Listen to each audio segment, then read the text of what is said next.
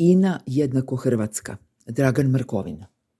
Uzalud svi učbenici iz povijesti, bilo oni iz socijalističkog razdoblja, bilo ovi nakon njega, uzalud kompletan nacionalni romantizam i priča o višestoljetnom hrvatskom državnom pravu, kao i budnice u čast Bana Jelačića, smiješni spomenik na glavnom zagrebačkom trgu i Štrosmajerovo prosvetiteljsko djelovanje. Sve to nije ostavilo nikakvog traga, budući da se hrvatski nacionalizam hrani jedino u odnosu prema Srbima i netrpeljivošću prema kompletnom zajedničkom jugoslovenskom nasljeđu.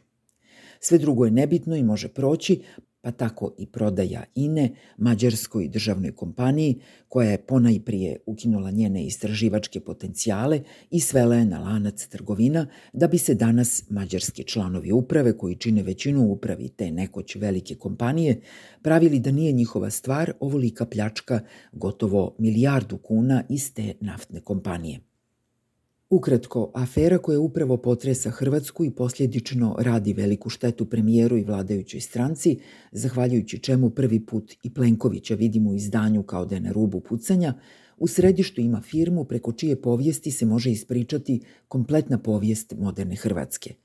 Još od ubojstva Stjepana Đurekovića, jednog od direktora INE, 80-ih, i repova koji su se zbog toga vukli zahvaljujući njemačkom pravosuđu, kad je konačno i široj javnosti postalo jasno kako su čelni ljudi Udbe odigrali jednu od bitnijih uloga u dolasku Tuđmana na vlast i unutar same njegove vlasti, preko famozne snimke iz restorana s večere tadašnjeg premijera Sanadera i direktora Mola,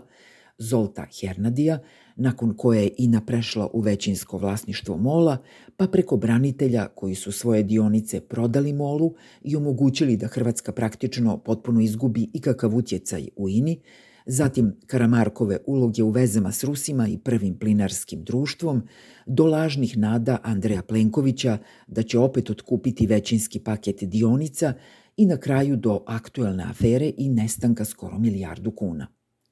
Da ironija bude veća, dan nakon raketiranja Banskih dvora, koje se dogodilo 7. listopada 1991. Sabor se zbog straha od ponavljanja tog čina sastao u podrumu Inine zgrade i tamo izglasao nezavisnost Hrvatske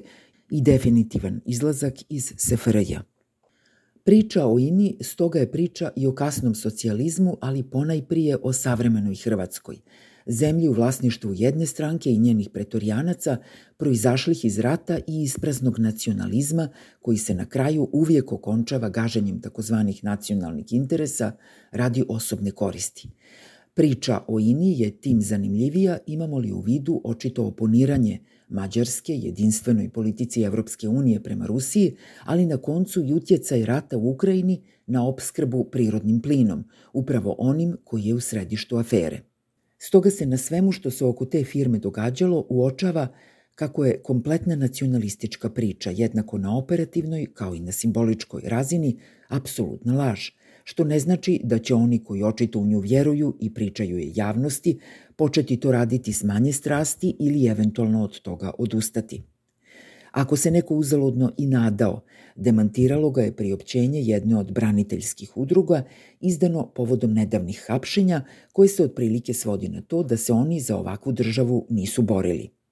Istina je naravno posve drugačija, jer jesu. Točno za ovakvu zemlju trajno nacionalističke atmosfere,